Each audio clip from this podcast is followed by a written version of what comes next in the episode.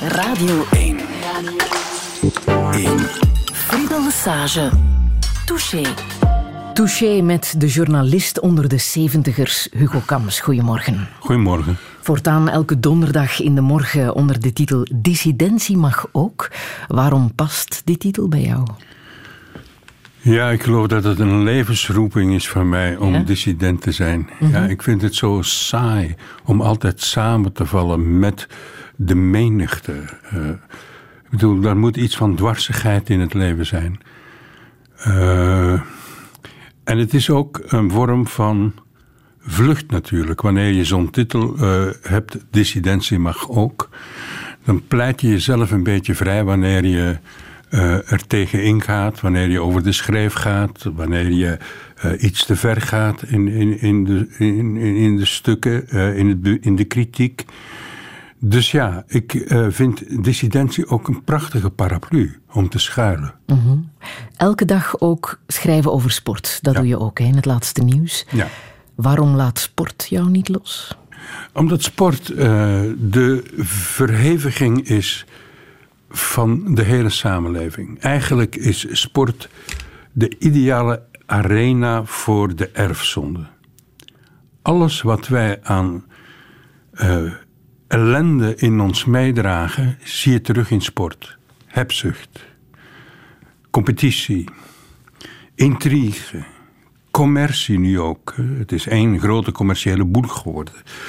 Uh, elleboogstoten, doodschoppen uh, verbaal geweld. Uh, je moeder is een hoer, wordt er geroepen in de tribunes. Toen Louis van Gaal zijn vrouw overleden was, werd er gezongen: Louis, de vrouw van Louis heeft kanker. Ik bedoel, die brutaliteit, die ongelooflijke primitieve woede, die wij wel een beetje in ons dragen, die zie je met een grote echo terug in voetbalstadions.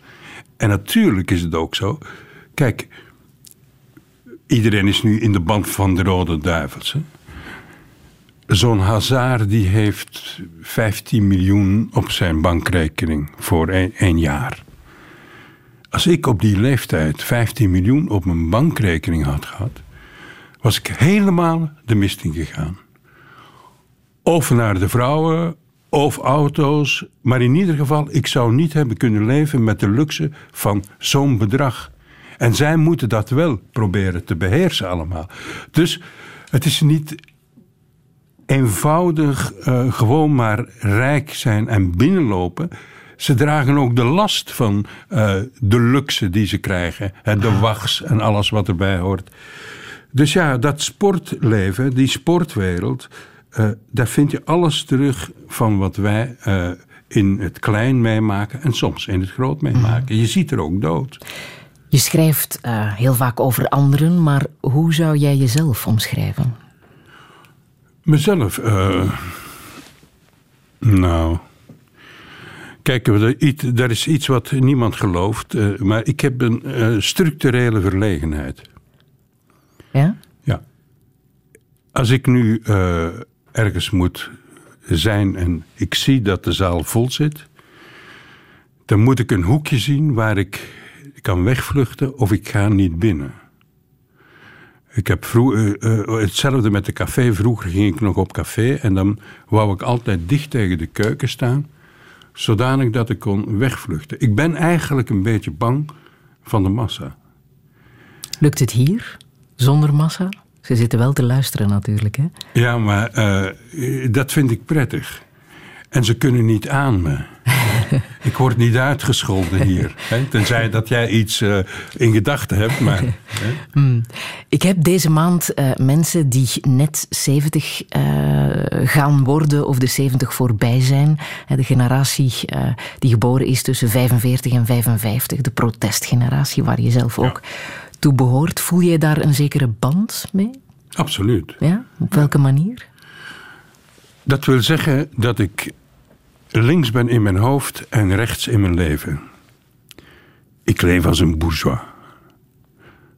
Oestertje, patrijsje, fazantje, natuurlijk. Maar in mijn hoofd heb ik nog altijd die verontwaardiging, ook de verwondering. ik ben eigenlijk nog altijd een soixante-huitard. En ik vind het jammer dat daar niks meer van overgebleven is. Uh, ik, bij jezelf of bij je generatie? Bij de, mezelf en bij de, bij de hele generatie. Kijk, ik ben nooit iemand van de barricades geweest, want ik dacht, als ik het in de krant schrijf, dan ben ik al barricade genoeg. Wat natuurlijk ook een vlucht is, eh, want eigenlijk ben ik te lui en te laf om op de barricade te staan. Maar nu krijg je niemand nog het huis uitgerookt. Ze mogen hier alles doen. De mensen blijven gewoon achter hun tv-scherm zitten, de rode duivels volgen, ze dansen uh, uh, wanneer er gescoord wordt. En waar is de verontwaardiging? Waar is de gezamenlijkheid? Je hebt, je hebt nog fracties die, die uh, betogen of, of, of die samen optrekken. Maar het volk komt nooit meer samen. Het volk is alleen en doet alles alleen. En ik vind dat, dat die gemeenschapsreflex, waar uh, zoveel over geschreven wordt, dat die er niet meer is. Wij zijn gebalkaniseerd in onze woede, in onze verontwaardiging en ook in onze uh, bourgeois manier van leven. Mhm. Dus ik denk uh, dat we stof genoeg hebben voor deze twee uur durende touché. Hugo Kams, hartelijk welkom. Radio 1. Radio 1. Friedel Lesage. Touché.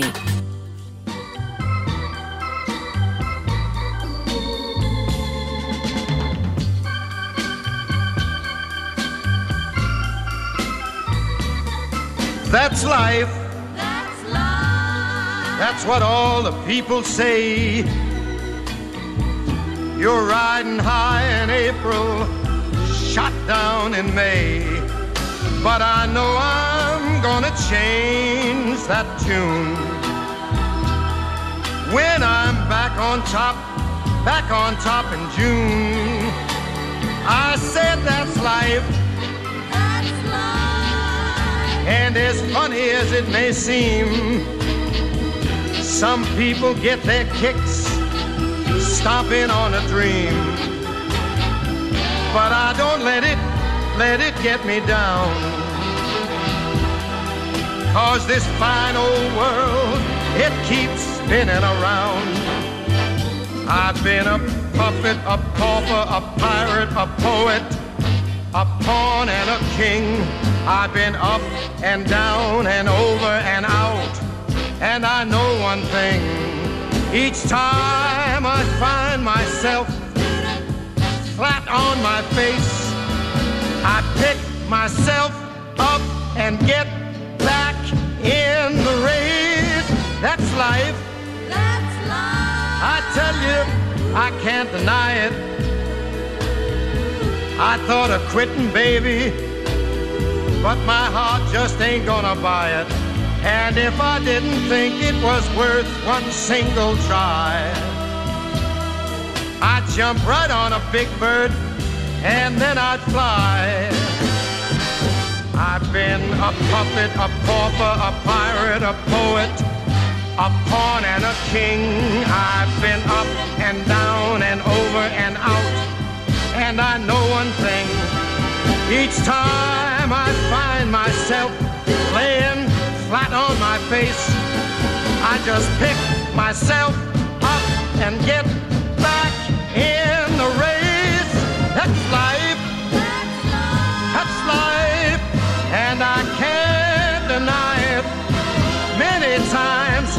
thought of cutting out, but my heart won't buy it.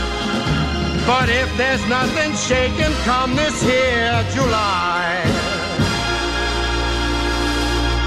I'm gonna roll myself up in a big ball. And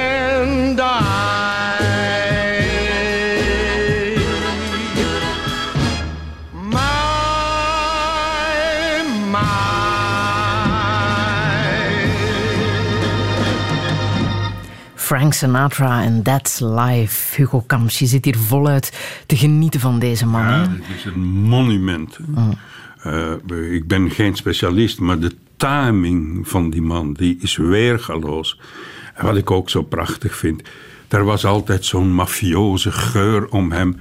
Zo hoort het eigenlijk. We moeten geen eh, brave, lieve eh, mensen op het podium hebben. We moeten een beetje eh, rare meneren en mevrouwen hebben die, ja, die de verbeelding prikkelen. Dissidentie mag ook, hè. En dissidentie Voilà. mag ook. Ehm, neem jij makkelijk vrede met wat het leven je biedt? Want dat is ook waarover hij zingt, hè. That's life. Je Ja. moet het laten komen. Nou, vroeger niet, maar ik heb dat ondertussen wel geleerd. Omdat het anders uitzichtloos wordt. Wanneer je je gaat verzetten tegen eh, wat het leven je te bieden heeft, nou ja, dan kun je beter niet aan beginnen. Hoe heb jij gereageerd toen ze zeiden dat jouw column niet langer op de voorpagina van De Morgen kon? Nou, dat was een eh, linkse hoek, eh, moet ik eerlijk zeggen. Dat kwam hard aan. Maar ik was er ook een beetje op voorbereid, omdat eh, ik wist dat ze toen met eh, die hele format eh, discussie bezig waren. En wanneer die krant zoveel kleiner zou worden, zou die daar inderdaad niet meer op gepast hebben. Maar ik vond het toch wel een soort van amputatie, moet ik eerlijk zeggen. Ja? Ja, en het versterkte mij ook dat ik in mijn leven nooit zoveel reacties heb gekregen als toen die column stopte. Dus ja, dan denk je, ik heb het al die jaren toch niet voor niks gedaan. En het beantwoorden eh, een beetje aan iets, eh, het, het, eh, ik zou maar zeggen, lichtjes ordinaire van het leven ook durven benoemen. Want daar gaat het over. wanneer je een column schrijft, dan mag je iemand schampen. Dan mag je, eh, behalve wanneer het over privacy gaat, eh, is doorduwen. En dat heb ik met plezier gedaan. En als, dan, als je dan eh, constateert dat de lezer daar ook eh, met enige sympathie heeft eh, naar gekeken en het gevolgd heeft, ja, dan ben ik wel blij. En toen dat dus stopte, moest ik een nieuwe bioritme. Want bij mij was het zo. Ik, ik las morgens acht kranten, ging 87 keer langs teletext. En dan rond een uur of vijf begon, ik, eh, begon dat hier in mijn buik een beetje te gisten. En dan zei ik, wat, waar ga ik het vandaag over hebben? En dan zocht je zo één klein detail uit het nieuws, uit de actualiteit of een, of een beeld. En dan was je weg. En het gevoel dat je daarbij had, was niet dat je je gelijk ging zoeken. Het was niet dat je eh, een boodschap te brengen had. Het gevoel dat je had bij het schrijven van een column, was dat je een beetje een toetssteen was voor mensen die dat wilden. En ik vind dat de hoogste eh, roeping voor een journalist, dat is toetssteen zijn. En wat zegt dat nu over een krant als een column niet meer op een voorpagina kan? Eh, dat zegt over een krant in ieder geval dat de krant eh, eh, in de greep is geraakt van marketing, in de greep is geraakt van design, dat het een, een, een schoonheidsproduct is geworden. En dat mag ook, daar is niks mis mee. Maar ik vind dat een krant, de essentie van een krant zijn vuile handen. De essentie van de krant is eenzaamheid. En de essentie van de krant is dwarsigheid. En ja, eh, ik begrijp heel goed dat ook gezien de beeldcultuur die er is ontstaan eh, in de hele samenleving, dat een krant daarmee in moet gaan. Dat begrijp ik heel goed. Maar ik zou toch nog altijd willen hopen dat uiteindelijk de stukjes die je schrijft, dat het daarom gaat. En eh, sorry hoor, maar eh, je kan zoveel emblemen bedenken en zoveel grafiekjes bedenken en ook nog eh, in 89 kleuren publiceren. Een krant is een krant. Je schrijft ook voor NRC in Nederland. Hoe anders is het daar? Nou, ik, ik hoed mij altijd om te zeggen dat de Nederlandse kranten beter zijn dan de Vlaamse kranten. Maar soms kom ik er niet onderuit. Als ik zie hoe in Nederland hè, het debat door de kranten wordt gevoerd, dan is dat bij ons toch iets minder. Nu zeg je toch voorzichtig. Piketty, die is in Nederland een halfgod geworden. in luttele weken tijd. Dat is hier toch iets minder. Ik heb hier nog niet zoveel mensen, ja, uh, sporadisch wel, maar, maar hier leeft hij nog niet echt. Er is geen rush naar de boekenwinkel om Piketty te kopen. In Nederland is dat wel zo. Uh, dat komt, Nederland is een volk van de Bijbel. Zij zijn opgevoed met het woord. Opgegroeid met het woord. De cultuur van het woord is daar veel indringender geweest dan bij ons. En uh, ja, uh, wij zijn geen lezersvolk. Wij zijn een volk dat bladert. Hollanders die lezen wel echt. En dat zie je ook in de, in de stukken. Uh, de hitsigheid is uit een krant als de NRC behalve uh, op sommige momenten toch wat meer op de achtergrond geraakt. Het gaat om, om ja, confronterende journalistiek. soms hard ook. beschouwelijk in ieder geval. En ik vind het wel een verademing, moet ik eerlijk zeggen. En hetzelfde geldt ook voor de Volkskrant. ja, maar ik ben altijd een Hollandofiel geweest. Want toen ik jong was, las ik ook al de NRC en de Volkskrant. En Vrij Nederland vooral. En zelfs Elsevier werd gebruikt op de school als didactisch materiaal. Maar de Belgische of Vlaamse kranten hebben een enorme inhaalrace uh, gemaakt. Weg uit de verzuiling. Weg uit de bevoogding van partij en kerk. Want dat heb je meegemaakt. Dat heb ik meegemaakt. Aan hoofdredacteur van uh, Belang van Limburg. Ja. ja hoe, hoe, anders was dat toen? Nou, dat was totaal anders. Bijvoorbeeld, uh, ik heb het meegemaakt dat wanneer er een crisis was in de wedstrijd. dan werden de zogenaamde vrienden journalisten, dus van de christelijke katholieke kant, uitgenodigd door de CVP-ministers in een restaurant. Marie-José met name in Brussel. En dan zat aan de ene kant van de tafel zat P.W. Zegers, Placide Pape, Fred Bertrand, Vader Eiskes een enkele keer. En aan de andere kant zat Manu Ruijs van de Standaard, Karel de Witte van de Gazet van Antwerpen, Tom van Haverbeke van de Nieuwe Gids en uh, ondergetekende. En dan werd er gesproken over hoe de crisis uh, zou moeten becommentarieerd worden. Nu zeg ik niet dat de, de, journalisten die daar zaten hun eigen autonome mening hebben ingeleverd, maar er was in ieder geval sprake van druk en van bevoogding. Nou, dat is in Nederland ondenkbaar. Mm. En ja, uh, ik, ik, heb ook wel eens uh, een, een, stuk geschreven over uh, abortus, en een hoofdartikel. Moest ik heel voorzichtig zijn. En ik durfde te, mijn stuk te eindigen met dat ook katholieken zich geen gewetensdwang mogen veroorloven in dergelijke delicate materies. 500 brieven heb ik gekregen onder de titel God is liefde, weet je wel. Nou, dat is nu ook allemaal voorbij. Dus de kranten hebben wel een inhaalrace gemaakt. Maar ik moet eerlijk zeggen dat uh, de substantie uh, toch iets lichter van soortelijk gewicht nog is. Toen je hoofdredacteur was, dat was eind jaren 70, begin jaren 80. Wat voor man was jij toen? Een onzekere man. Toen al? Ja, heel onzeker. Ik ben daar toevallig ingerold. Het was eigenlijk uh, niet eens de bedoeling, maar de, uh, er moest een generatiewissel uh, komen. En ja, men heeft dan voor mij gekozen. Maar ik vond het een verschrikkelijke periode. Want je moest leiding geven, je moest Ja, daar ben ik nooit zo goed, zo goed, in. En ik heb ook nooit een begroting opgesteld zoals dat nu allemaal moet. Uh, nee, bij mij was het... Uh, nou, ik zal u een voorbeeld geven. Wanneer er een nieuwe journalist uh, zich meldde... dan gaf ik hem als opdracht om binnen 10 minuten... een stukje te schrijven over een vliegtuig... dat boven Zaventem aan het cirkelen was dat motorpech had. En dan zei ik, de deadline is over 10 minuten, dus je hebt 5 minuten, 7 minuten om het te schrijven. En dan zag je of er iemand de feeling had, hè, om onder die stress en, en, en ook de verbeelding had, want je ziet niks, het is donker. En dan las je soms, en het vliegtuig uh, draaide om zijn eigen as. Ik zeg, ja, nee, dat kun je niet zien van beneden.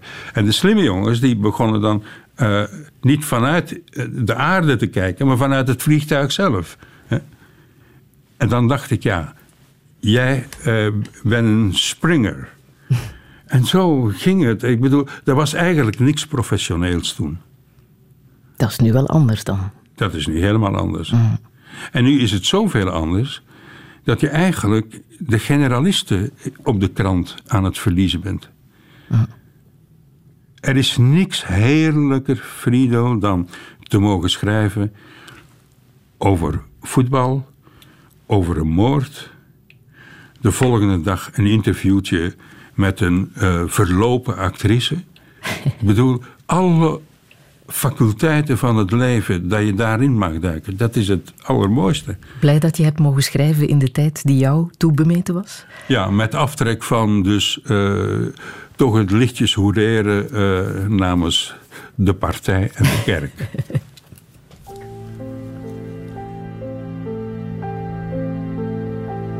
avec le temps. Avec le temps va, tout s'en va. On oublie le visage et l'on oublie la voix, le cœur. Quand ça bat plus, c'est pas la peine d'aller chercher plus loin. Faut laisser faire et c'est très bien.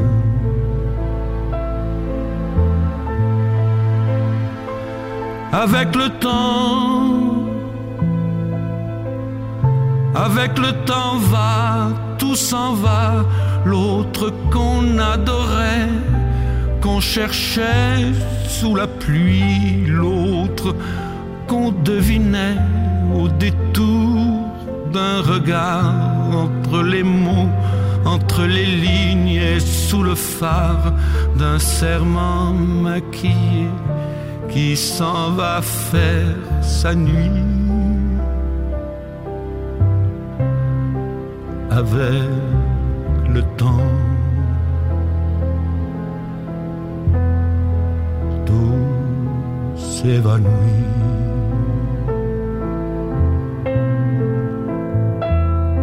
Avec le temps, avec le temps va, tout s'en va. Même les plus chouettes souvenirs s'atteignent de ses gueules. À la galerie farfouille dans les rayons de la mort le samedi soir quand la tendresse s'en va toute seule.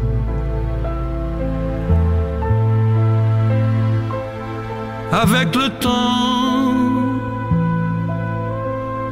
avec le temps va, tout s'en va, l'autre à qui l'on croyait pour un rhume, pour un rien, l'autre à qui l'on donnait du vent et des bijoux pour qui l'on eût vendu son âme pour quelques sous, devant quoi l'on se traînait comme traînent les chiens.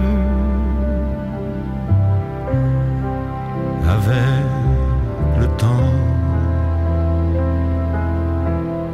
Va, tout va bien.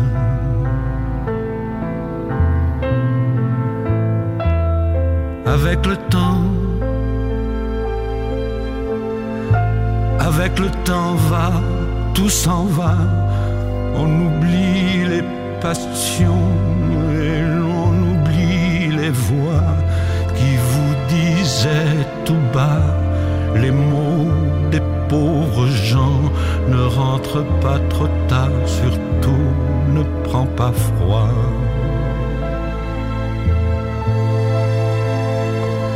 Avec le temps,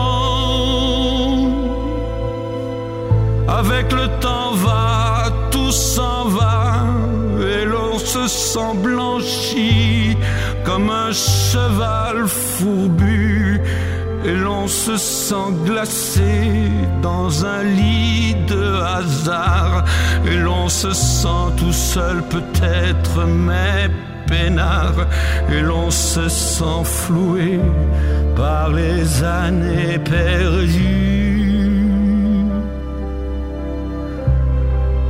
Alors, vraiment,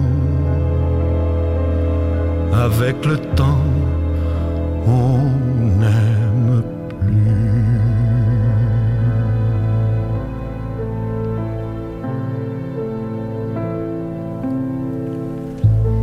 Het fantastische Leo Ferré en eh, Avec le temps, Hugo Kams. Welke betekenis heeft dit nummer voor jou? Nou, dit is een existentieel nummer. Hè. Eh, je voelt hier ook dat uiteindelijk alles van het leven uit afscheid bestaat. Afscheid nemen. Maar hij zegt in dit liedje op een bepaald moment, wanneer een samedi soir, als ze weggaat, surtout ne prends pas froid. Wie zegt tegen de ander nog, vat geen kou? Dat is van een geweldige intimiteit. Hoe erg ben jij bezig geweest met dat afscheid vorig jaar toen eh, je vocht voor je leven, toen je ziek was? Eh, ik heb het vooral ondergaan. Eerst was er de, de, de paniek. Want ik ben drie keer eh, op het nippertje geweest. Hè. En dan kwam de woede. Want ik ben eigenlijk door een knoeier van het ziekenhuis mismeesterd. Want wat was er precies gebeurd? Nou, eh, ik had een, een darmonderzoek laten eh, eh, doen. En die meneer die had mijn darm niet goed dichtgeniet. En binnen een dag was ik helemaal vervuild. Dus al mijn organen waren vervuild. Hart, lever, longen. En als het iets later was geweest, was het afgelopen. Ik ben drie keer in intensive care geweest. En nou ja, dat is een, een, bijna doodservaring, eh, mag ik wel zeggen. Die toch ook weer iets had van rebellie. Want ik wou eigenlijk niet weg. En als mijn vrouw Martien me niet geholpen had, dan had ik het wel opgegeven. Want op een bepaald moment ben je het zat. En weer nog iets, eh, eh, eh, een prik in je arm. En weer nog iets om je neus. En weer nog een infuus. Ik bedoel, ik kon er niet meer tegen. En ik heb het dan toch dankzij haar kunnen volhouden. Want ik had op een bepaald moment wilde ik weg uit het ziekenhuis. Maar dus je was het slachtoffer van een medische fout. Ja. Hoe boos ben je dan op diegene Daar die ben de ik heel erg boos op. Maar kijk niet zozeer op de fout zelf. Maar toen ik dus de dag nadien over de grond kriep, eh, letterlijk van de pijn. En naar die meneer belde, of Martien belde. Toen zei hij, geef hem een dafal Ganneke. Terwijl ik een uur later met de spoed, eh driedubbele spoed, naar het ziekenhuis ben gebracht. Om het nog net te redden, zei die meneer, geef hem een dafal Ganneke. En die hotijne onverschilligheid, die heeft me razend gemaakt. Dat er een fout gebeurt, dat kan overal. Eh, i- iedereen maakt fouten. En toevallig, wanneer je eh, arts of, chirurg bent, kan het wat, wel wat meer consequenties hebben. Tot daar aan toe. Maar de nazorg die niet deugt, hè, de onverschilligheid, het gemak, geef hem een dafal Ganneke. Nou, dat vond ik beneden alles. En eh, nou ja, ik heb het al een paar keer gezegd. eh, daarom eh, wil ik ook procederen. Dat ga je ook doen. Maar met, met, natuurlijk met de overtuiging dat het niks helpt. Want dat is een, nou ja, artsen, rechters. Ik ken ze van de Rotary. dat is een heel innig gezelschap, kan ik je zeggen. En ik geloof nooit dat het iets zal helpen. Maar je zegt, drie keer heb je de Ja. dood in de ogen gekeken. Ja, heb je dat bewust gevoeld, eh, gedacht? Eh, Ja, ik was natuurlijk ook helemaal in de war. Eh, op een bepaald moment dacht ik dat ik ergens op een eiland zat. En dat ik ruzie had gemaakt met Hugo Claus. Dus ook allemaal waanvoorstellingen. En af en toe zag ik ook weer een mooie brunette lopen... Die, eh, waar het heel geweldig romantisch mee begonnen was... maar wat ook weer slecht afliep. Dus ik bedoel, de hele waanzin van het leven komt voorbij. En het eindigt niet goed, kan ik je zeggen. Dus ja, Eh, ik, ik, het ergste vond ik dat op een bepaald moment eh, ik ook weer terugging naar mijn moeder. En ik zag bij haar op haar armen, in haar gezicht, over haar hele lichaam, de, de haren van een wolf, van een wild dier. Nou ja, ik bedoel, mijn moeder was een frele, eh, kwetsbare vrouw. Dus er was niks wild aan. Ze zou niet weten hoe ze moest aan beginnen aan een wild leven. En zij kwam als een soort ja, eh, eh, dier, kwam ze voorbij gewandeld. Ik dacht, dit is raar. En dat soort toestanden. Natuurlijk zag ik ook eh, in mijn verbeelding. Als mijn vrouw dan op bezoek kwam, dan dacht ik dat ze eh, daar met een zwarte verpleger een nacht op stap was gegaan. En zo weet je, de, de meest primitieve ellende komt boven.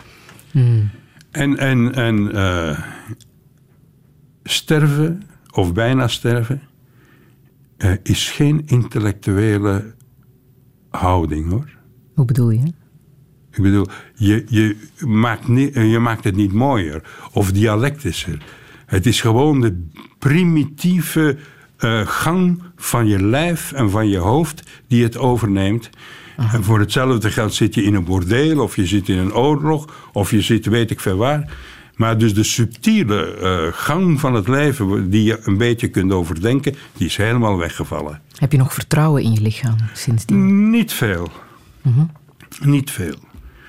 Eh, ik moet eerlijk zeggen, ik doe er natuurlijk ook te weinig aan, want ik rook weer en eh, ik eet te veel. Maar als ik nu ergens iets voel, dan denk ik, oeh, zou het? Ik durf ook niet meer naar een ziekenhuis te gaan. Ik, ik doe het omdat ik het af en toe verplicht ben. Maar het kost mij ongelooflijk veel moeite. En eh, het is zelfs zover dat, dat als ik in een ziekenhuis binnenkom, krijg ik een braakneiging van die geur ook. Dus nee, eh, ik moet eh, in een jazzkroeg. Daar moet ik mij ophouden en nergens anders. Jazzgroove. Laten we daar naartoe gaan. Música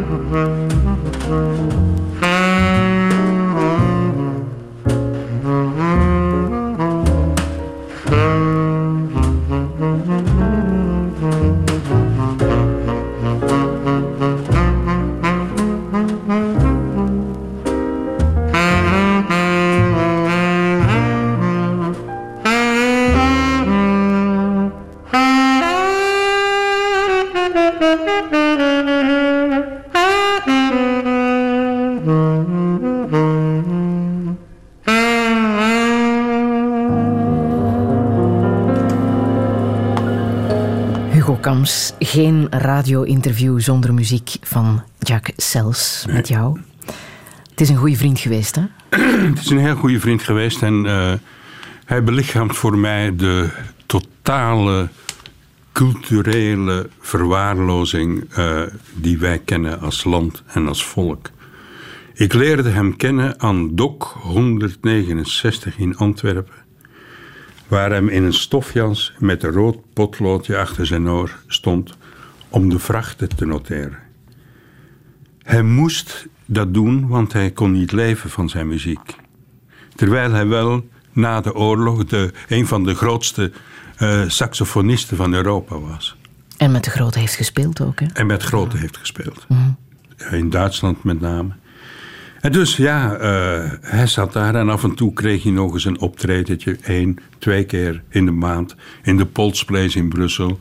Eh, of, of, of. En dat lot van die man, dat, die- dat, ging me zo aan het hart. Omdat ik ook wist wat een mooie man hij was. Bijvoorbeeld, ik zat dan bij hem thuis in de Hoogstraat in Antwerpen. En zijn vrouw Emily verkocht soutiens, BH's in de Grand Bazaar. En Jacques die zat daar, rookte zijn sigaretje, zweeg tien minuten en zei dan... Hugo, ik wil met mijn muziek bewijzen dat Adam en Eva hun paradijs verloren hebben. Maar niet dat van ons. Hè. Dan zweeg je weer tien minuten. Maar de sound van die man, de klasse, de, het improvisatietalent... En ik ben toen, Van Mechelen was nog minister van Cultuur. En er was een programma in het kader van volksopvoeding waar ook jazzorkesten werden eh, in eh, geïmplementeerd. Maar Jacques was daar niet bij, want hij beviel de ambtenaar niet die daarover ging. En daar zag je dus ook al meteen de corruptie. hè. Alleen de vriendjes eh, werden in het programma ingeschreven. En daar ben ik zo boos om geworden. En eh, ik heb die man gekoesterd. Ik heb hem proberen te, te, te helpen met mijn schamele middelen. En ik ging mee met hem als hij dan nog eens ging spelen. En nou ja, eh, een grootheid die hier totaal onbekend is gebleven. Er is wel een film naar hem Ja. gemaakt, hè? Just Friends. Ja, zeker, maar dat is het minste. Hè? Eh, maar heel die generatie, Roger van Naverbeek, eh Old Jones en drummer, eh, die, die- dat waren hongerleiers. En dat heeft mij eh, destijds de ogen geopend. Wij zijn een volk dat niet kan omgaan met talent en met helden, behalve in de sport. Van waar heb jij die liefde voor muziek? Het, muziek was de uitvlucht. hè. Eh, kijk, eh, als je op een inter- internaat zit eh, eh, en, en, en zes weken lang geen warm woord krijgt, hè, dan was ik blij dat er in de, in de studiezaal af en toe eh, een uurtje eh, radio werd gespeeld. Dat, was, ja, dat was een soort van mentale zuivering die je dan over je kreeg. En uiteindelijk heb ik al vroeg geleerd dat je de dingen, dat je niet alle dingen kunt zeggen. Je kunt ze laten spelen. Muziek is toch een laag dieper.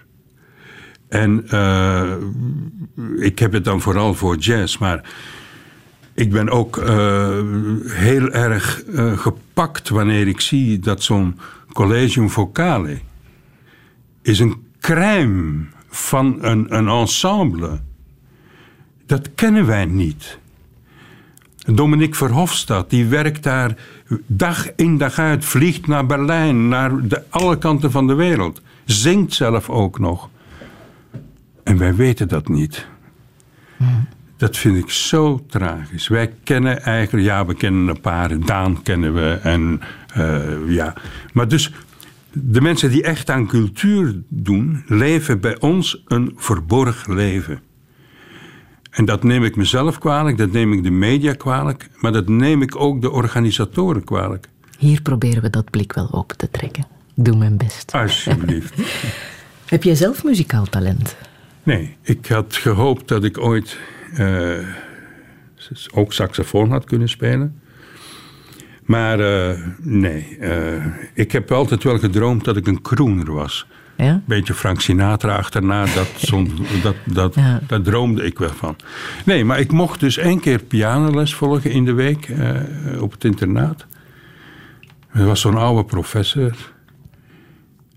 En ik mocht van hem roken. Dus tijdens die pianoles zat ik een sigaretje te roken. En begon hij over het leven te praten. En ik ook een beetje te luisteren en, te praten over het leven. En ik heb nooit meer dan drie toetsen gespeeld. En het uurtje was voorbij. En that's it. Dat is mijn muzikale opleiding geweest. Maar, nee, maar het zijn gelukkige mensen die muziek kunnen maken. Jij zat liever met je neus in de kinderboeken, arendsoog en witte veder. Weet je, Friedel, eh, ze vroegen wat is het boek dat je eh, de- de- het meest gevormd heeft of zoiets van die strekking. En dan is het natuurlijk makkelijk om te zeggen Camus. Hè? Of Kierkegaard. of Hugo Claus. Dan zie je altijd de, die exposé van, eh, laten we zeggen, hoge kunst.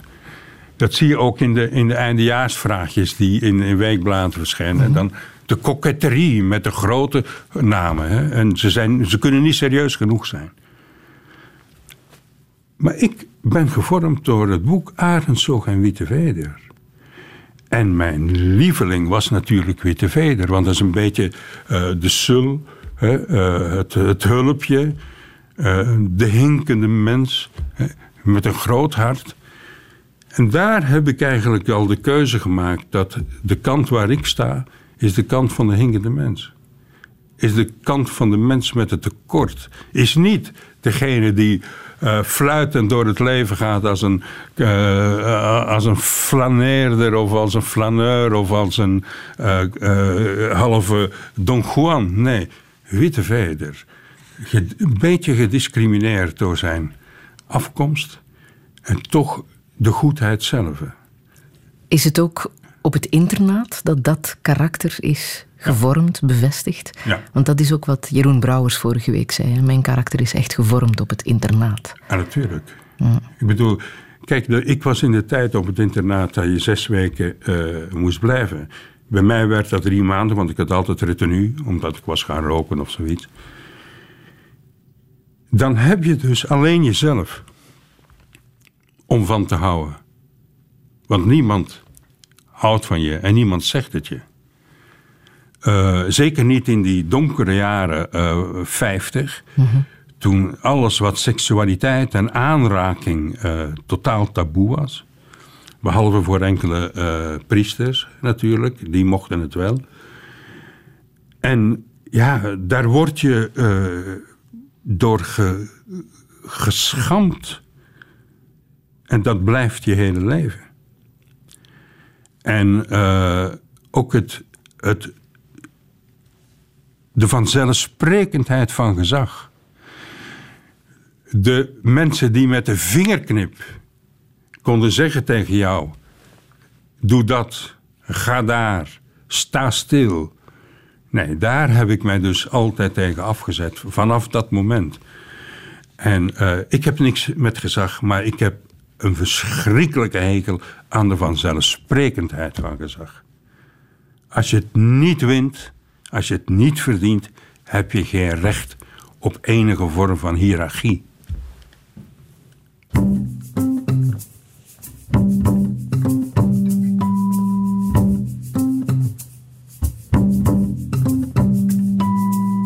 Ik schrijf je adem en je lichaam neer op gelijnd muziekpapier. Ik schrijf je adem en je lichaam neer. Mijn vrouw, mijn heidens altaar, dat ik met vingers van licht bespeel en streel.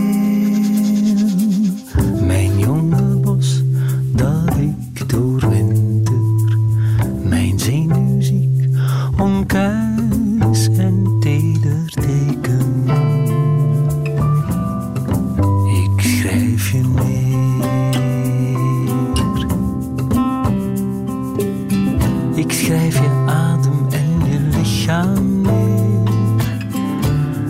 opgelijnd muziekpapier.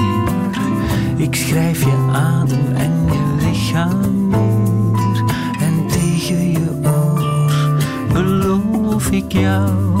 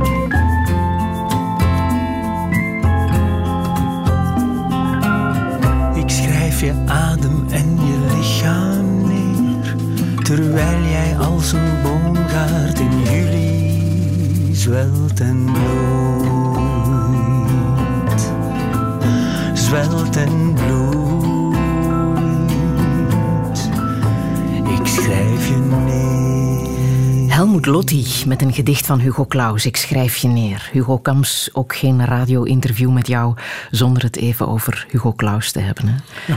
Waarom waren jullie zo goed bevriend? Eh, we waren goed bevriend omdat wij toch een beetje hetzelfde temperament hadden. Al moet ik zeggen dat ik mijn hele leven vooral tegen hem opgekeken heb. En eh, hij was ook wel redelijk open met mij. Eh, hij wist dat ik hem niet zou verlinken eh, en dat ik geen teksten zou schrijven of zo. En wij gingen samen het eerste, eh, de eerste hopscheuten eten, 30 jaar lang. En eh, ik bewonderde hem enorm. En ik heb ook onder hem geleden. Eh, Hoezo? Toen ik een, eh, jaren geleden een voorstel kreeg om een roman te schrijven. Wat ik heel graag had gedaan. Toen ben ik gaan zitten en heb ik gedacht, maar zou ik ooit tot op de kniehoogte van Hugo kunnen komen? En na een paar dagen kwam ik tot de conclusie dat dat niet zou lukken. Dat ik een ordinaire sprinter ben. En niet die adem van Hugo heeft en van anderen. Of van een Erwin Mortier bijvoorbeeld. En toen eh, heb ik gezegd: nee, ik moet me houden bij de sprint. Deze week kwam ik in een boekenwinkel. Eh, en ik zocht waar Hugo stond. En die stond op het hoogste rek, helemaal achterin, nog met twee boekjes. Over Pascal Nasus lag er een berg. Van Jeroen Meus lag er drie bergen. Lagen er drie bergen. En Klaus, de maestro, die was nog met twee luttele boekjes aanwezig in die grote boekenwinkel. Wat zou je zelf daarover zeggen, denk je? Oh, hij zou eh, de schouders ophalen. Want ik bedoel, hij heeft zich nooit eh, laten kennen als iemand die afgunst had. Dat was hem te min afgunst. Ook in de strijd tussen Mulisch, de, de drie grote, Mulisch, Notenboom en zo. Eh, dat incasseerde hij met een glimlach. Hè? Hij maakte daar grapjes over. Terwijl voor Mulisch was dat heel serieus.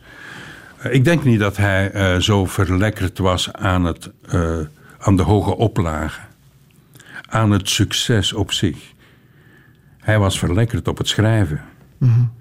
En, en, en eh, die man heeft die had nog veel te zeggen hoor. Want ik weet dat hij nog wat dingen heeft opgekrabbeld, die natuurlijk niet meer zijn uitge- uitgegeven. Maar dat was nog heavy stuff. En je kunt er eh, over denken wat je wil. Ik weet ook, eh, de tijden veranderen, het genre verandert. Waarom ben ik nu zo gecharmeerd van Stoner? Eh, ja, eh, dat is toch iets anders dan Hugo Claus. Eh, of Claus is iets anders dan Stoner, als je wil.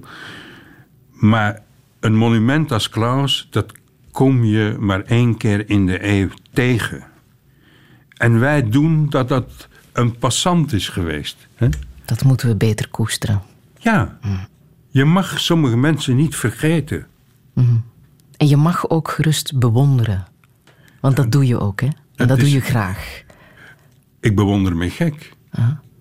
Ik verwonder me gek, maar ik bewonder me gek. Ik vind dat eigenlijk eh, iets wat iedere mens zou moeten doen. Zijn we dat verleerd? Ja. Doen we dat te weinig? Ja. Ja. Want bewonderen eh, wordt meteen geassocieerd aan een houding van onderdanigheid. En dat willen we niet. Hè. We willen ook macho zijn. Terwijl bewonderen is de meest eh, elementaire houding van fatsoen. Wat bewonder je in het werk van Mark Rothko, de kunstenaar? Oh, de totale leegte. Met één streep wist hij alles wat leven is uit. Die eindeloosheid van een streep. Van het niets, het nihil. En dat zo vormgegeven, ja. Mondriaan kon dat. Rothko is volgens mij nog een existentiële laag dieper. En wat, mij ook wat ik ook bewonder aan hem, dat is zijn way of life. Het roken, het drinken, het, het eh, eenzaam zijn, eh, de, de, de totale onaangepastheid. Om te leven met succes. Zijn werk is nu te bezichtigen in het eh, gemeentemuseum hè, in Den Haag, helemaal niet zo ver af. Daar moeten we naartoe, nog tot begin zien, Ehm, er is ook een werk van hem eh, geveld afgelopen week, number 21, Ja. 45 miljoen dollar. Ja. Wat denk je dan bij zo'n smak geld? Eh, ik denk dat dat verdiend is. En ik denk dat die smak geld een soort van wiedergoedmaching is. Voor de tijd dat ze hem niet hebben eh, gezien. En dat ze zijn talent hebben verwaarloosd en genegeerd. Ik heb niet zo moeite met rare prijzen die worden betaald voor kunst. Als ik weet dat een voetballer die vanavond tegen de Rode Duivel speelt, Bale, 100 miljoen heeft gekost aan Real Madrid, mag dan een schilderijtje ook een paar centen kosten? Ik vind ze mogen zoveel eh, krijgen als ze willen. Het is, voor mij is het nooit te veel. Maar natuurlijk, eh, je moet er ook vooral eerst gaan naar kijken. Ik, ik verwerp kunst als investering. Ja? Ja, je kent, je kent ze toch wel, de, de, Collectioneurs. de collectioneurs, de rijke families... die uiteindelijk eh, niks meer te vertellen hebben aan elkaar... niks meer van liefde overhouden... en die storten zich dan op de kunst eh, als investering. Schandelijk. Hoe rijm je je verhaal met jouw eh, liefde voor de film Brassed Off? Daar gaat het over een mijnwerkerstadje waar mensen vechten voor die laatste frank op hun rekening. Ja, dat is het tragische verlies. Het wegzuiveren van, dat, eh, van die fanfare. En toch die vechtlust van die paar mensen om het te blijven doen... en toch nog naar een concours te gaan. En die geweldige muziek te spelen. En die geweldige acteur. Ah, Piet Postlethwaite. Oh, En dit spelen ze in de film.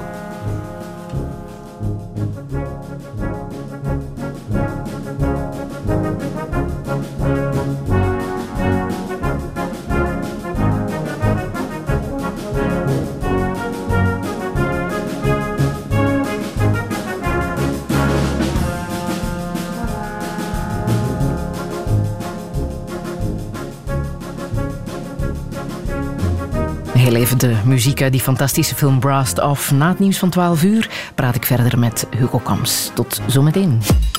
Radio 1. 1. Friedel Lesage. Touché. Touché met columnist Hugo Kams. Op zijn 71ste schrijft hij nog dagelijks over sport, omdat het de samenvatting is van het leven. Hij siert ook de achterpagina van de krant De Morgen onder de titel Dissidentie mag ook, want dat is wat hij zijn hele leven al probeert te doen: afwijken van de overheersende opvattingen. Niet alleen het internaat, maar ook de kinderboekenserie Arendsoog en Witte Veder hebben zijn karakter gevormd. Als een goede vriend Hugo Claus Arendsoog was, dan was hij zeker en vast Witte Veder. Hij heeft zowel sympathie voor de jazzmuzikant Jack Sells als voor de fanfaremuziek uit de film Brast Off. Maar wat is er overgebleven van de Soixante Tard in Hugo Kams? Dat is voor het tweede deel van Touché. Een zeer goede middag.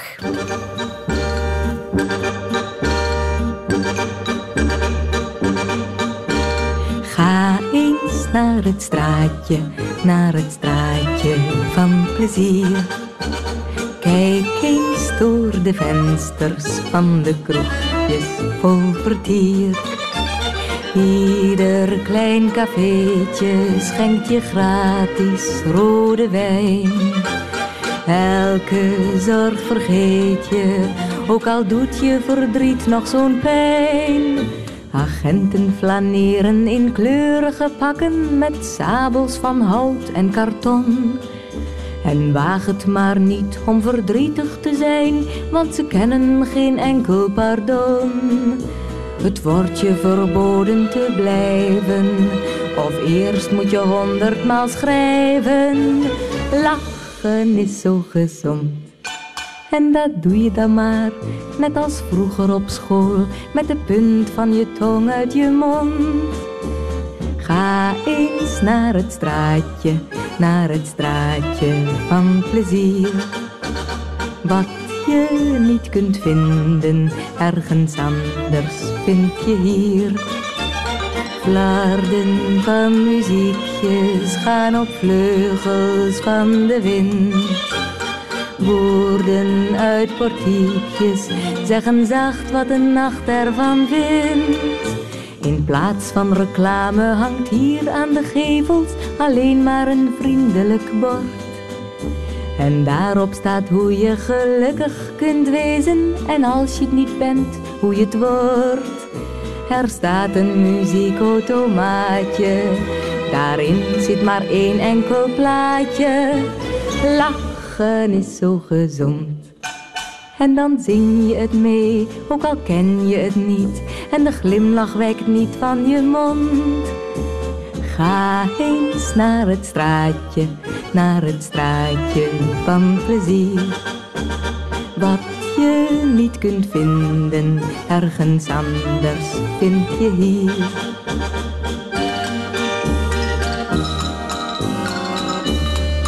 Van plezier. De heerlijke Martine Bel met het straatje van plezier, Hugo Claus. Eh, Hugo Claus zeg ik nu Dank je wel. Hugo Dank je. Kams. Dank je. Hebben jullie het daar wel eens over gehad? Over eh, het klinkt hetzelfde en verspreken we ons wel eens. Nee, het is wel eens gebeurd eh, dat eh, ik eh, Hugo Claus was. Maar hij is nooit Hugo Kamp geweest. Daar was hij te groot voor. En dat straatje van plezier, hoe oud was je toen jij daar voor het eerst kwam? Waar Martine Bel over zingt? Eh 17. Ik ben ontmaagd door een Duitse prostituee. Ik, eh, er was een, een, een, een bordeel in de buurt van Diest. En in de vakantie reed ik dan met mijn fiets daar naartoe. En dan verborg ik die fiets eh, ergens, dat niemand dat kon zien. En dan zat ik daar met een colaatje. En heel de tocht zat vol met beestenkoopmannen en zo. En, en die zaten champagnes te betalen. En ik met een colaatje. En die Duitse mevrouw van een jaar of dertig, die eh, had op een bepaald moment een beetje medelijden met mij. Die, eh, die dacht, die blijft maar zitten. En natuurlijk, die beestenkoopmannen moesten op een bepaald moment weer naar hun eigen vrouw. En, eh, dus toen heb ik met haar een beetje gepraat. En eh, toen eh, heeft ze me begeleid naar een vermolmde oude kamer met een dikke sprei op. En toen heeft zij ervoor gezorgd dat alles in één keer vloeide. En dat was een ontlading. dat was fantastisch. Dat is een, een, een mevrouw een- die ik nog altijd diep in mijn hart draag. Ik heb er nooit meer iets van gehoord. Hoeveel moed was er nodig om dat te doen? Nou, het was niet zozeer een kwestie van moed. Het was, ja, ik, ik, eh, kijk, ik had natuurlijk nooit geleerd met mijn eigen lichaam om te gaan. Hè? Want eh, in het internaat moesten de handen boven de, de dekens liggen. Daar kwam, werd ook controle op uitgevoerd. Maar natuurlijk, op een bepaald moment neemt het lichaam het zelf over. En eh, heb je nog alleen de razende hormonen die zeggen wat je te doen hebt. En dus, ja, ik eh, kende geen meisjes of zo. Want in het internaat bestonden die niet. Dus eh, was het een, een café met een rood lichtje. Daar durfde ik dan op een dag eens binnengaan. Heel bang, heel klein. En daar is het gebeurd. En het is zelfs chic gebeurd. Die vrouw die heeft eh, mij niet proberen uit eh, te pluimen of zo. Eh, het was voor, voor haar was het een daad van, ik zou bijna zeggen, assistentie naar het leven toe. En ik ben haar daar dankbaar voor. Maar dat kunnen wij ons niet meer inbeelden. Hè? De generatie van nu. Eh, hoe jullie destijds het Nee. leven moesten ontdekken. Jullie kwamen Ja. uit het internaat en, en daar was het leven ineens. Nee, maar ik heb dus bijvoorbeeld nooit mijn moeder naakt gezien. En overigens mijn dochters ook niet. Want die schijnen van het naakte, die lag er zo. En die is er zo ingeprent. Dat, eh, nou ja, als ik een, eens een nieuwe mevrouw had, dan zei ik altijd... eh, ga jij al maar naar bed, ik ga nog even op de badkamer. Zo van, eh, toch maar eerst even het laken over dat armoedige lichaam trekken. Dus ja, eh er was geen internet. Er waren geen pornofilms. Eh, thuis is nooit over seks gesproken. Mijn moeder die, die was dichtgeknoopt. Tot aan haar hals, bij wijze van spreken. En het, ene, het eerste erotische ontwaken was wanneer ik met mijn vader als, als tienjarig jongetje naar de voetbalclub FC Beringen ging. Dan liepen wij door de Cité, waar de mijnwerkers woonden. En er waren Italianen in die tijd. En dan zag je in die voortuintjes zag je die weelderige boezems van de Italiaanse vrouwen die daar stonden te kwetteren. En toen voelde ik in één keer, ja, eh, zo heb ik mijn moeder nog nooit gezien. Ingesnoerd mens. En dacht jij ook, ik moet hier weg. Deze wereld is te klein, er is te veel te zien. Nou, waar, wat, wat, eh, waar ik weg van moest, was de duisternis, het eh, obscurantisme. Het niet benoemen van wat eh, het echte leven is. Ik bedoel, er werd nooit over seks gesproken. Nooit. Maar jij bent letterlijk de wereld ingetrokken, hè? als verslaggever. Ja. Meteen ook naar het front. Ja, ging- naar het front, jazeker. Ik ben naar Vietnam geweest. Ik ben in Tsjechoslowakije geweest. Ik ben aangehouden in Tsjechoslowakije. Zeker. Maar eh, niet dat, het, eh, dat ik een roekeloze eh, Rudy Franks was of zo. In ieder geval liet ik mij niet fotograferen op een balkon. Maar nee, ik wou ook om te genezen van die weemoed die ik met de paplepel had ingekregen, eh, wou ik het ruige leven zien. En dat was dus in een bordeel. En dat was buiten België komen. En dat was alleen zijn ergens in de vreemde. Eh, ik moest me losscheuren van de, van, de, van de christelijke gemoedelijkheid, van de christelijke klefheid, van de kerstavond waar dan iedereen cadeautjes uitdeelde en iedereen zat te janken, weet je wel. Mijn vader, mijn moeder, ik en de- mijn zusje. Ja, ik bedoel, dat is het leven niet. En daar wou ik van weg. Je ging ook echt op zoek naar dissidenten. Hè? Ja, ja ik, heb het eh, toen twee geïnterviewd. Jiri Hayek, de minister van Buitenlandse Zaken van Dubček. En Vladimir Hejdanek, de eh, eh, woordvoerder van het Garta, filosoof. En eh, toen ben ik eh, aangehouden. En eh, nou ja, toen, eh, ik vind dat, dat eh, journalisten niet mogen klagen over wat hen wordt aangedaan.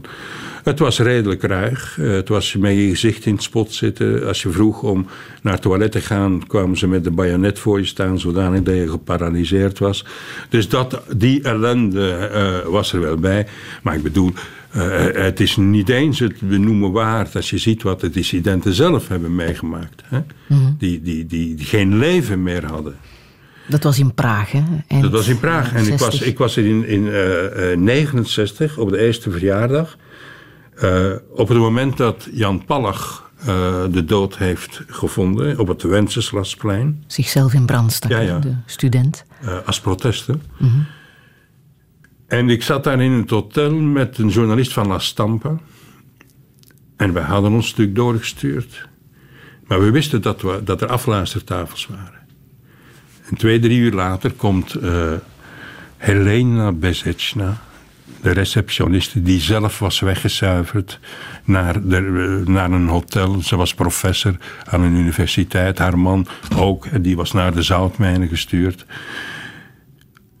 En die zei, de staatsveiligheid eh, wacht hier. Ik heb gezegd dat jullie in de stad zijn. Hebben wij daar drie uur zitten bibberen in de uiterste hoek van een kamer. En eh, hebben ze gezegd tegen Helena, we komen morgen terug. En heeft zij ons de weg naar Brno eh, opgestuurd. Laten onderduiken bij eh, kennissen van haar. En dat was zo'n ongelooflijk mooie, fragiele eh, vrouw. Dat was voor mij de renaissance. En natuurlijk eh, ontstond er ook iets emotioneel. En ik heb nadat ik terug in het land was, honderden keren geprobeerd om haar nog te bereiken. Nooit meer gelukt. Ik heb ministers ingeschakeld. Niks meer teruggevonden van Helena Bezetsna. Ik zie dat gezicht nog. Ik voel haar hand nog. En het feit dat ik haar achternaam heb onthouden, betekent dat ze wel iets betekend heeft voor mij. En wat zegt dat over jou? Dat je een betere herinnering hebt aan Helena dan aan de dissidenten die je hebt gesproken? En wat wegwijverig doet over die dagen dat je bent opgepakt? En- Ja, weet je, de, de dissidenten die ik heb gesproken, die, die hebben een onnoemelijk zware tijd gehad. Eh Jiri Hayek die vertelde mij, eh, hij riep zijn vrouw erbij en zei dankzij haar heb ik het volgehouden. Dat was echt de totale terreur. Die mensen hadden geen enkele vrijheid meer. Maar zo'n Helena Bezetsna, die ook geen vrijheid meer had, maar die omdat ze veeltalig was naar een hotel werd eh, gestuurd, die deed dat met passie en met roekeloosheid, want zij bleef ons helpen. Terwijl ze zelf slachtoffer was geweest van de repressie van Hoesak. En dat vind ik groot. ik, ik, ik vraag me soms af, hoe kan het toch dat mensen zo groot zijn? Dat die dingen doen die anderen niet durven, die ik bijvoorbeeld niet zou durven. En zij doen het met een glimlach, met gratie. En ook nog met een zekere erotiek. Eh, ik bedoel, alles aan die Helena Bezetsna was mooi. Waarom ben jij zelf gestopt met dat soort journalistiek? Nou, omdat, eh, kijk, ik, ik, ik ben geen held. En op een bepaald moment zat ik in, eh, in Latijns-Amerika. En ik had in Honduras een, een, een, een dorpje bezocht. En er was een vrouw en die zij vertelde dat er iemand eh, uit de hoofdstad was langsgekomen. En die had haar een bril gegeven. En toen zei die vrouw, die, die avond heb ik voor de eerste keer gezien hoe mooi mijn kinderen waren. En toen ik daar zat naar te luisteren, begon ik te janken. En toen wist ik, stoppen daarmee. Want het wordt eh, te, te, te klef, te pathetisch eh, afstand nemen terug. Eh, je mag je niet laten verteren door de emotie wanneer je aan een stuk begint. Je mag emotioneel zijn, maar de emotie moet altijd ondergeschikt blijven. En het was toen tijd voor mij. En ook omdat, ja, altijd die onzin van douane en politie. Ik had een groene jeans in die tijd en, ik, en, en dat was in El Salvador. En die politieman uh, op de luchthaven die zei: uniform militair. Nou, zeven uur naar het politiebureau. En dan stond zo'n spuugbak. En daar kwamen de heren dan om vijf minuten in spugen. En daar zat je dan, zonder enig verweer. Nou, daar had ik op een bepaald moment geen zin meer in.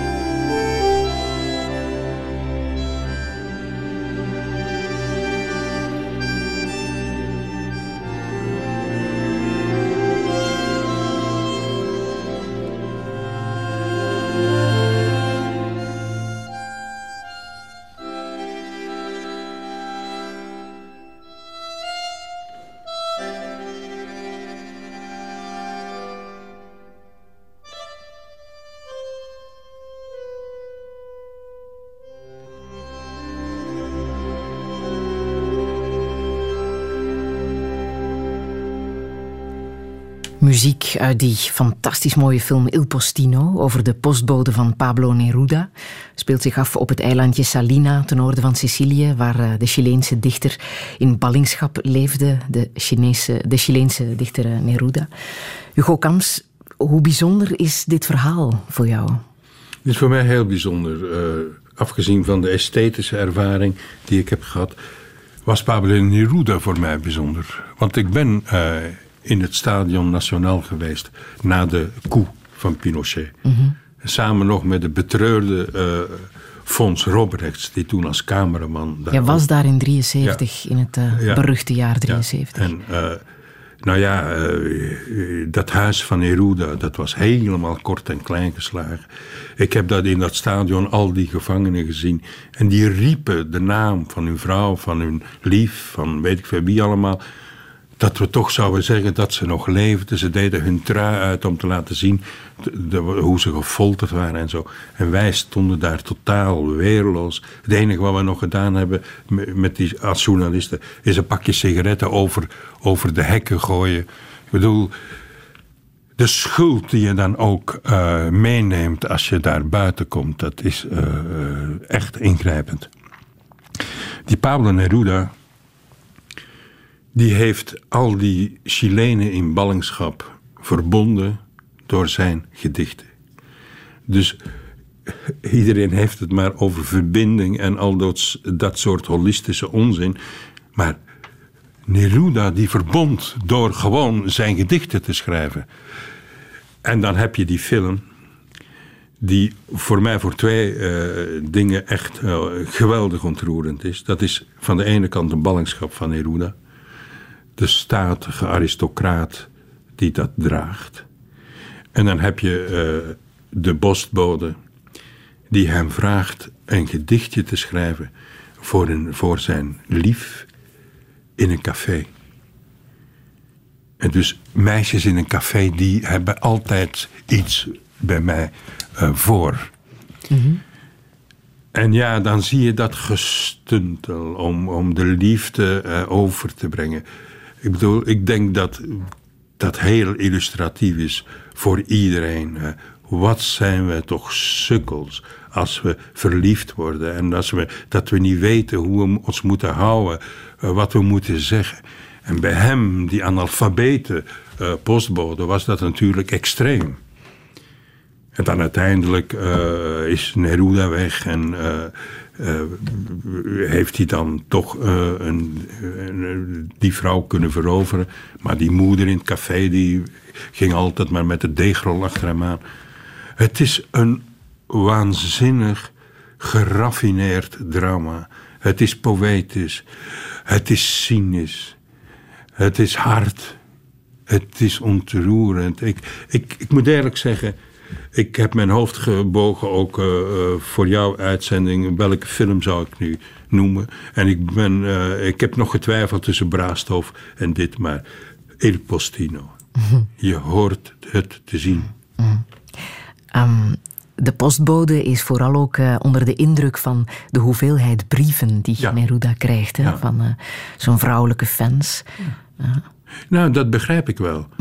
Want die postbode die heeft natuurlijk nog nooit in zijn leven een brief gekregen. Schrijf jij nog wel eens brieven? Ja, ja. Ja? Ik ben ook met een brievenboek bezig. En ik vind dat eh, eigenlijk een mooie vorm van, van eh, ik wil niet zeggen literatuur, maar wel een mooie vorm van schrijven, brieven. En ik schrijf 50 brieven naar eh, mensen die in mijn leven iets betekend hebben. Natuurlijk ook een aantal vrouwen. Eh, maar ik schrijf ook een brief naar Karel van Wiert. Eh, eh, ik herinner nog aan onze wandeltocht in Rome. Toen we samen een jeans kochten. Onze eerste jeans. Met Carla. Het voordeel van brieven schrijven is dat je iets meer durft. In een gesprek durf je dat niet. Maar in een brief heb je je net de juiste afstand om de dingen te zeggen die je eigenlijk, eh, eh, wanneer je voor iemand staat, net niet durft te zeggen. Ga je ook Brigitte Bardot een brief schrijven? Jazeker, jazeker. Ze is 80 geworden, hè? Het is 80 geworden en eh, nou ja, het is ook een hoopje ellende, maar dat was ze al toen ik haar interviewde. Toen had ze ook al drie zelfmoordpogingen achter de rug. Maar het blijft toch een icoon, vind ik, eh, afgezien van haar rechtse sympathieën die ze heeft opgedaan. eh, en die eigenlijk te maken hebben met het feit dat links in Frankrijk toen al geen verhaal meer had. Want wanneer Mitterrand haar gevolgd had in haar zorg eh, voor dieren en, en, en een zeehond is en weet ik wat, dan zou ze waarschijnlijk niet die vlucht naar het Front National hebben genomen. Trouwens, het is een vlucht die ook relatief is, want het maakte haar eigenlijk allemaal niet meer uit. Zij was veel meer eh, in het gevecht met het leven bezig dan met eender welke politieke keuze. Maar kan je zeggen dat zij op een of andere manier een symbool is voor wat een mens kan meemaken in een leven? Nou, zij is, symbool, zij is het symbool van het te vroege succes. Overdonderd worden door de publieke opinie, eh, icoon worden en niet rijp zijn om dat te dragen. Het is ook het drama van voetballers bijvoorbeeld hè, en, en van eh, topsporters. Maar zij heeft dat eh, in een hele korte tijd, was zij in één keer van de wereld. Niet van Frankrijk, maar van de wereld. Zij was degene die het erotische ontwaken van mijn generatie heeft geprovoceerd. En ja, dat was niet te houden. Dan ook de keuze voor foute mannen altijd. Gunther Sachs en dat soort toestanden. Eh, en toen ik er zat bij haar, ik heb er drie dagen gezeten. Er was maar één ding wat ik, eh, bij wijze van spreken, wat in mij bleef huilen. Als ze binnenkwam, het eerste wat ze deed was naar een zieke kat gaan. Charou heette ze. En daar begon ze tegen te praten, zoals wij praten. En ik stond daar. En ik zei maar, omdat ik niet wist wat ik moest zeggen, nou, ik ben wel een beetje jaloers op Charou, was ik ook maar een kat. Toen is ze uitgebarsten. Ik accepteer niet dat je uh, mijn uh, dieren belachelijk maakt. En toen zag ik in één keer hoe onvoorwaardelijk zij haar lege liefde aan die kat gaf. Ja, eenzamer kun je het niet hebben. Mm -hmm. En zij heeft daar een kwartier mee zitten praten, alsof het een mens was.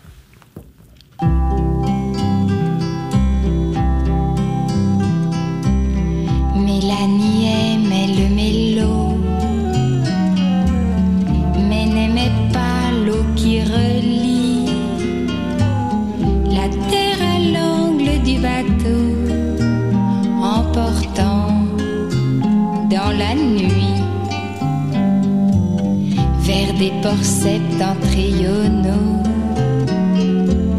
la somme des sept ans d'insomnie que des projets matrimoniaux avaient trop pas.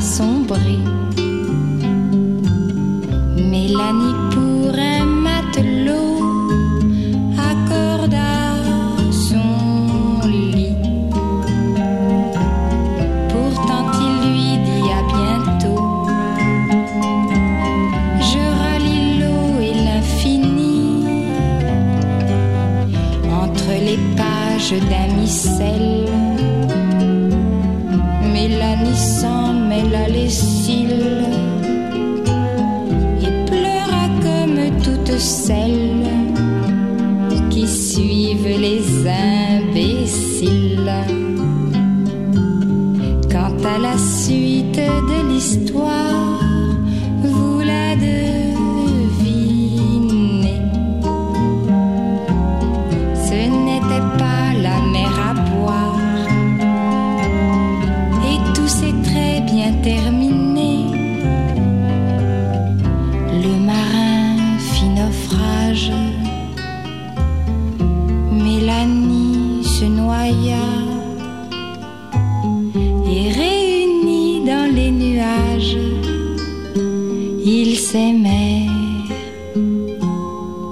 voilà. Brigitte Bardot met Melanie, zo had het enige nummer waar ze toch een beetje toonvast zingt. Ehm, Hugo Kams, hoe heet jouw tweelingzus? Lily, Lily en Hugo. ja. Lijken jullie op elkaar? Nou, mijn zusje is altijd degene geweest die eh, eh, applaudisseerde voor haar broer. Die nog altijd letterlijk bloosde wanneer ze werd aangesproken. Tot vandaag ook nog steeds. En ik heb wel een beetje spijt dat ik haar niet mee naar boven heb getrokken. Zij is, nou ja, vreubelonderwijzeres in een dorpje geweest en eh, leeft daar. Haar kindjes gaan goed. Maar heeft het leven gemist. En dat zou ik haar graag hebben gegeven, nog even. Maar ze is er nu ook te oud voor. Zij was eerste Ja, Ah. ja. en jij kwam er niet uit. Ik kwam er niet uit. Ik kwam er niet uit en eh, dat is dan geëindigd in de ramp. Eh, mijn moeder heeft dan altijd last gehad aan, aan, aan de baarmoeder. Dat is verkankerd. Eh, ik heb haar alleen maar gekend dat ze met elektrische kussentjes op haar buik zat van de pijn. Er was toen nog niet zo de grote dosis morfine die werd toegekend. En heb jij je daar als kind schuldig over gevoeld? Ja. Ja. En vooral omdat ze natuurlijk ook altijd zei dat wanneer ik eh, iets had eh, mispeuterd, eh, dat ik de nagels van haar doodskist was. Dat was zo'n vaste uitdrukking die destijds gebruikt werd. Nou, die kwam er bij mij serieus binnen, kan ik je zeggen. Maar vooral het beeld van, van een prachtige vrouw, eigenlijk poëtisch zelfs. En dat zat daar met een elektrisch kussentje. Tegen de pijn. En 27 keer in het ziekenhuis geweest en zo. Ik heb dat altijd heel onrechtvaardig gevonden. Dat, dat uitgerekend zij zo eh, verhinderd is geweest om een goed leven te hebben. Hoe ging jouw vader daarmee om? Ja, dat weet ik niet goed. Eh, ik, mijn vader was niet de allertederste man. Mijn vader was gecomplexeerd omdat hij uh, geen hogere studies had gedaan. Uh, hij had vakschool gedaan en moest concurreren met mensen die technisch ingenieur waren bij de Boerenbond. En hij, hij had niet het talent om romantisch uit de, hoek te komen. En mijn moeder, dat zag ik wel, die droeg het menselijk tekort letterlijk in haar gezicht. Je kon het er zo van afschrapen. En ik vond dat beeld onverdraaglijk. Maar ja, uh, ik was natuurlijk ook zo egoïstisch dat ik toch liever mijn eigen leven ging leiden en, en het zoveel mogelijk probeerde weg te duwen. Maar het is nooit helemaal weggegaan. Hoe heb jij afscheid van hen genomen? Nou, dat is een beetje een rampzalig verhaal. Uh, want ik was uh, gescheiden en daar kon mijn moeder niet meer leven. En ze maakte me dus uit voor een hoerjong en uh, al wat je wil. En op een bepaald moment ben ik weggebleven thuis. En de donderdag voor haar dood belde mijn tweelingzusje en die zei: Ja, je moet nu toch wel eens terugkomen, want uh, het is op het einde. Ik ben teruggegaan, nou ja, verbroederd, terug omhelst. En ik heb haar nagels gelakt. En ze was een heel trotse vrouw. En toen zei ze: Je komt toch met Eva en Sandra naar kerstavond, naar ons kerstetentje? Ik zeg: Ja, natuurlijk, mama we komen. Maar goed, ze proefde daar toch iets te weinig overtuiging in. En toen zei ze weer. Ik had nooit gedacht dat ik zo'n uh, smeerlap, uh, woorden van die strekking op de wereld had gezegd. Die zijn eigen kinderen in de steek laat. En toen heb ik haar omhelst. Ik heb mijn auto genomen. Ik ben naar Parijs gegaan. En ik ben drie dagen op stap geweest. En de maandag toen ik terugkwam, was ze dood. En ik verwijt het haar niet, want het was haar religie die haar verbood tolerant te zijn voor echtbreking. Het was ook haar religie die uh, uh, dacht dat ze in Lourdes zou genezen worden, dan loop je daar tussen een zee van commercie en van leugen en van oplichterij en van valse hoop. Ik kon er niet tegen. Ik was meteen genezen van de kerk. Toen was ik voordien ook al min of meer hoor. Maar dus zij was zo uh, in de band van dat geloof dat echtscheiding, uh, dat is voor hoerenkinderen. En dus dat is niet prettig geëindigd. Uh, ik heb er vrede mee. Want ik weet dat ze het zo niet bedoelden. En ik bedoelde het ook zo niet, maar het was even spannend en op het verkeerde moment. En natuurlijk denk je wel eens uh, dat ze mij nog iets warms had moeten zeggen. In plaats van die scheldkanonade. Maar ik heb leren leven met het tekort en met het deficit. En ik ben zelf het deficit voor anderen. Dus ja, uh, that's life. Hoe heb je van je vader afscheid genomen? Uh, die was dement. En die uh, met tweelingzusje heeft dus alles gedaan om hem te begeleiden. Dan is hij in een rusthuis geweest. Maar daar was ook weer zo'n treurigheid. Als daar dan, uh, dan lag hij op, op, zijn bed en dan wou hij de poetsvrouw zoenen. Nou, die poetsvrouw was natuurlijk meteen weg. Dus uiteindelijk had hij, organiseerde hij zijn eigen verlatenheid en zijn eigen eenzaamheid. En toen was hij helemaal aan het dwalen. En ja, toen is hij zacht gestorven. Mm -hmm. Maar ik heb laten we zeggen, een kleine blessure overgehouden. die mij vandaag nog altijd bezighoudt in de zin van. familie is onbelangrijk.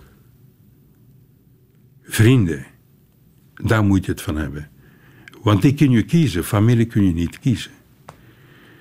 En eh, ik heb ook het gevoel, eh, je hoort dan ook, eh, iemand is gestorven en dan is er een erfenis en dan is het boel.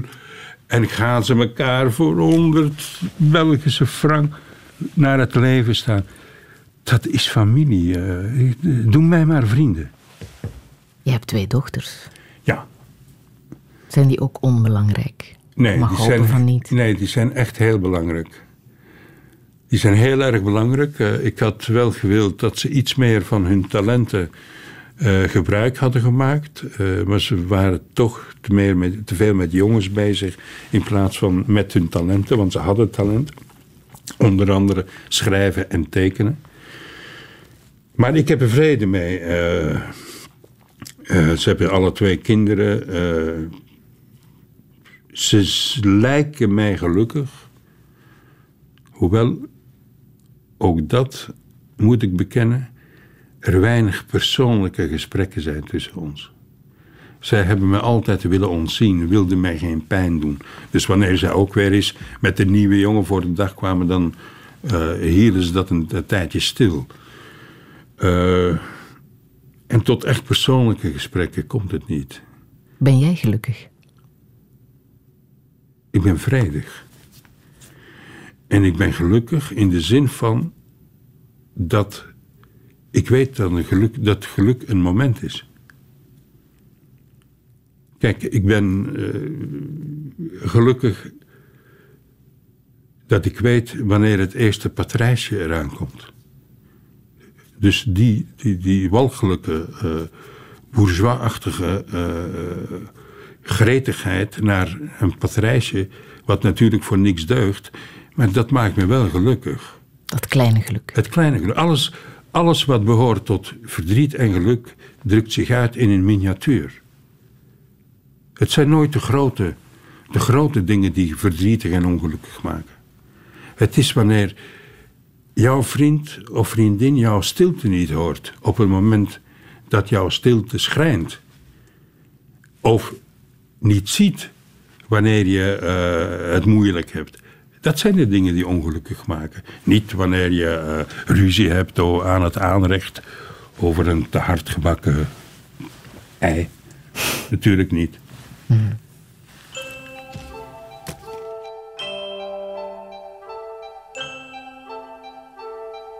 Les vieux ne parlent plus, ou alors seulement parfois du bout des yeux. Même riches, ils sont pauvres, ils n'ont plus d'illusions et n'ont qu'un cœur pour deux. Chez eux, ça sent le thym, le propre, la lavande et le verbe d'antan. Que l'on vive à Paris, on vit tous en province quand on vit trop longtemps. Est-ce d'avoir trop ri que leur voix se lézarde quand ils parlent d'hier Et d'avoir trop pleuré que des larmes encore leur perlent aux paupières et s'ils tremblent un peu, est-ce de voir vieillir la pendule d'argent qui au salon, qui dit oui, qui dit non, qui dit je vous attends. Les vieux ne rêvent plus, leurs livres sans sommeil, leurs pianos sont fermés. Le petit chat est mort, le muscat du dimanche ne les fait plus chanter. Les vieux ne bougent plus, leurs gestes ont trop de rides, leur monde est trop petit. Du lit à la fenêtre, puis du lit au fauteuil et puis du lit au lit. Et s'ils sortent encore, bras dessus, bras dessous, tout habillés de raide, c'est pour suivre au soleil l'enterrement d'un plus vieux, l'enterrement d'une plus laide, et le temps d'un sanglot oublié toute une heure, la pendule d'argent qui ronronne au salon, qui dit oui, qui dit non, et puis qui les attend. Les vieux ne meurent pas, ils s'endorment un jour et dorment trop longtemps. Ils se tiennent la main, ils ont peur de se perdre et se perdent pourtant. Et l'autre reste là, le meilleur ou le pire, le doux ou le sévère. Cela n'importe pas, celui des deux qui reste se retrouve en enfer. Vous le verrez peut-être, vous la verrez parfois en pluie et en chagrin. Traverser le présent en s'excusant déjà de n'être pas plus loin et fuir devant vous une dernière fois la pendule d'argent qui ronronne au salon, qui dit oui, qui dit non, qui leur dit je t'attends, qui ronronne au salon, qui dit oui, qui dit non, et puis qui nous attend.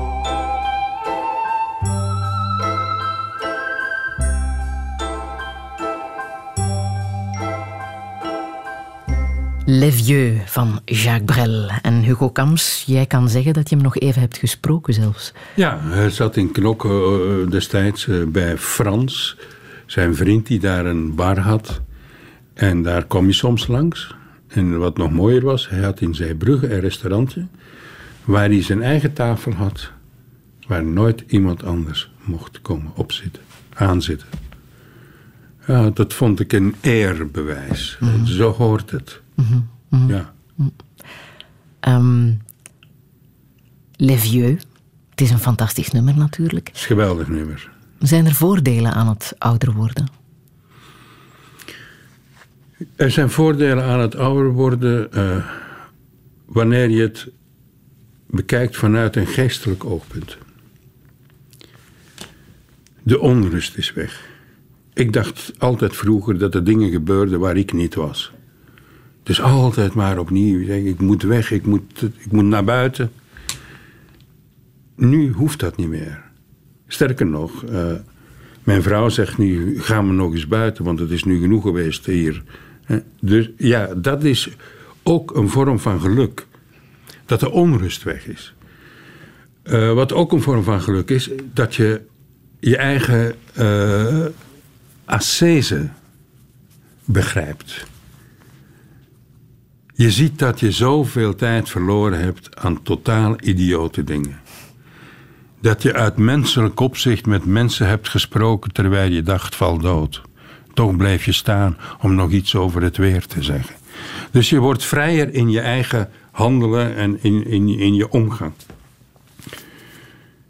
Ja, natuurlijk. eh, we moeten het ook niet te erg sublimeren. Eh, ik wil ook nog.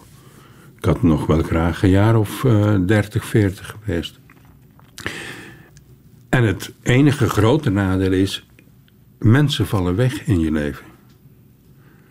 Kijk, de dood van Hugo heeft mij toch getekend.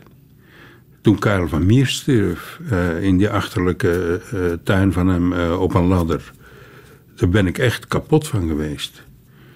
Nou, Simon Vinkenoog, die, die, eh, die ik nog gesproken had voor eh, Lichtpunt eh, gedurende enkele uren. Ja, die gaat ook weg. Ja, ik bedoel, het verlies aan de enkele mensen aan wie je dan echt waarde hebt gehecht. Dat is toch redelijk zwaar hoor. Wat zou je nog willen in het leven? Ehm, ik zou willen dat ik nooit het gevoel voor schoonheid verlies. Ook omdat schoonheid, kiezen voor schoonheid, een daad van verzet is.